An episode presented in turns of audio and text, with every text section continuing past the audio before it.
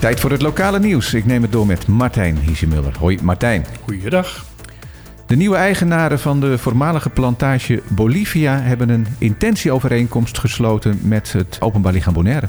Ja, de familie Breemhaar, die onder de naam Bonaire Properties NV werkt hier op Bonaire. En die al een tijdje geleden de plantage Bolivia hebben aangekocht. Die hebben dus nu een overeenkomst gesloten met de overheid. Daar zijn ze een dik jaar mee over aan het praten geweest. Waarbij eh, men belooft dat ze 10% van het eh, gebied gaan ze ontwikkelen. En de resterende 90% zal natuur blijven. En zal, zegt het bedrijf, zo nodig hersteld worden. En onder professioneel beheer gebracht worden. Ja, het is wel grappig, hè? want het hele gebied is ook 10% van Bonaire. En, Ja. da- en daarvan dus weer 10% wordt ontwikkeld. Dat is nu de afspraak. Er is heel veel protest tegen die nieuwe eigenaren. Want eh, men zegt van ja, die mensen willen eraan geld gaan verdienen. Dus blijft het bij 10%. En wat vooral erg in het verkeer keelgat is geschoten in de tijd... is van dat eh, Mieke Breemhaar, de, de directrice van de BV... gezegd heeft van ja, maar eh, dat hele gedoe is, is verwaarloosd... en dat moet in oude glorie hersteld worden. Terwijl dus juist de mensen die Bolivia willen beschermen zeggen van... nee, dit is wat het is. Maar dat is de natuur van Bonaire. Ja. Daar tegenover zegt eh, Breemhaar van ja, maar de geiten vreten alles kaal. En daar heeft ze dan wel weer een punt in. Daar komen we overigens nog op terug, over Ja. die geiten zometeen. Maar eerst iets anders, want de hoofdofficier van Justitie treedt toch wel onverwachts opeens af. Ja, Marian eh, Venenberg, die eh, nog niet zo lang hoofdofficier van justitie is, die legt de functie neer. Die gaat weer als normaal officier van justitie, niet meer als hoofdofficier, maar als normaal officier van justitie weer door. Ehm, Is de functie te zwaar? Wat zij ervan zegt is dat veel van het hoofdofficierschap haar goed is bevallen. Maar dat er meerdere onderdelen zijn die not my cup of tea is. Zonder daar verder duiding aan te geven.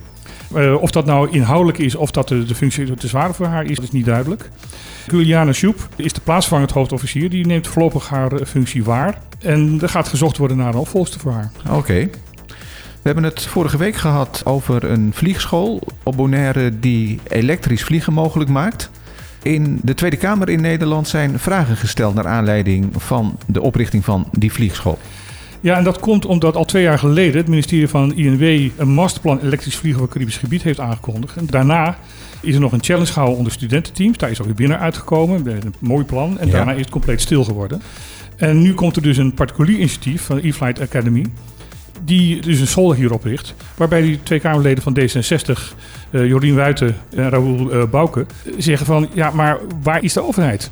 Ja, ze zeggen ook, waar blijft de volgende stap om vliegen betaalbaar te maken? Maar ik zie niet zozeer meteen die link tussen betaalbaar vliegen tussen de eilanden en elektrisch vliegen. Want het een is volgens mij niet automatisch het gevolg van het ander. Nou, eigenlijk wel. Omdat elektrisch vliegen zo ontzettend veel goedkoper is om het uit te voeren dan met normale eh, motoren. Dat ook de vliegtickets eh, heel veel goedkoper zal Oké. gaan worden. Dan wordt het me duidelijk. Dus er, zijn een aantal vragen gesteld en die worden dan hopelijk binnenkort beantwoord. Ja, en dan komen wij er ook wel weer op en, terug. en dan weten we meer en dan komen we er zeker op terug, inderdaad. Ja, we hadden het net al even over de geiten. We gaan naar Sint-Eustatius, want daar spelen de geiten een belangrijke rol in het feit dat daar rotsblokken naar beneden vallen eh, en een gevaar opleveren voor gebouwen en mensen die daar wonen.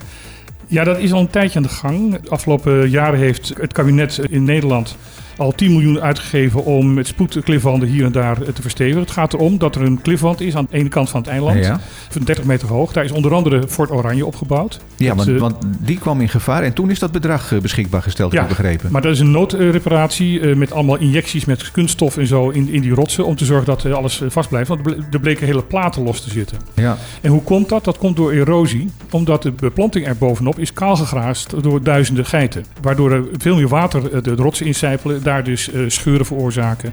En eh, rotsblokken dus naar beneden storten. Dat is dus eh, van de week ook gebeurd. Maar dan bij de, de plek waar het water- en elektriciteitsbedrijf Stuco eh, staat. ja.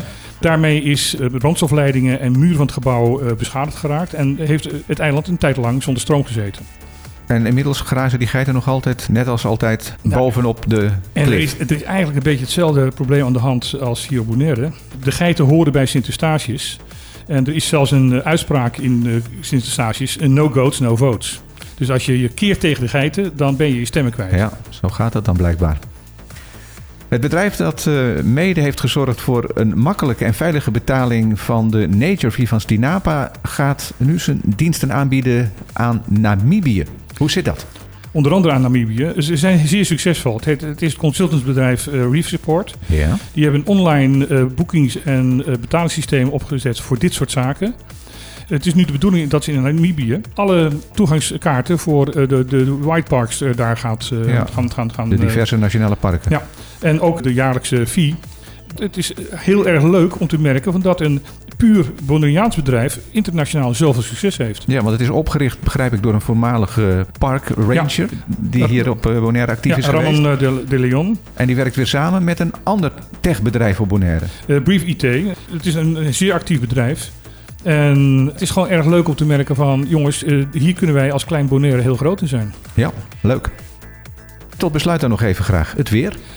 Ja, de afgelopen uren hebben zich een aantal wolkenvelden doen gelden op het eiland. Eh, maar ja, meer dat de zon bedekt was, maar dat er niet echt veel regen gevallen is. Of volgens mij helemaal, helemaal niet. Nee, want de regen die gevallen is, was afgelopen nacht. Hè? Ja, dat was afgelopen nacht. Er komen meer wolkenvelden aan, dus die gaan het eiland ook passeren. Daar zou ook weer regen uit kunnen voortkomen, maar het zal ook niet echt eh, gigantisch zijn. De wind zal voornamelijk matig zijn, de maximale temperatuur 29 graden en s- s'avonds wordt dat 25 graden. Lekker. Bedankt en eh, tot morgen. Tot morgen.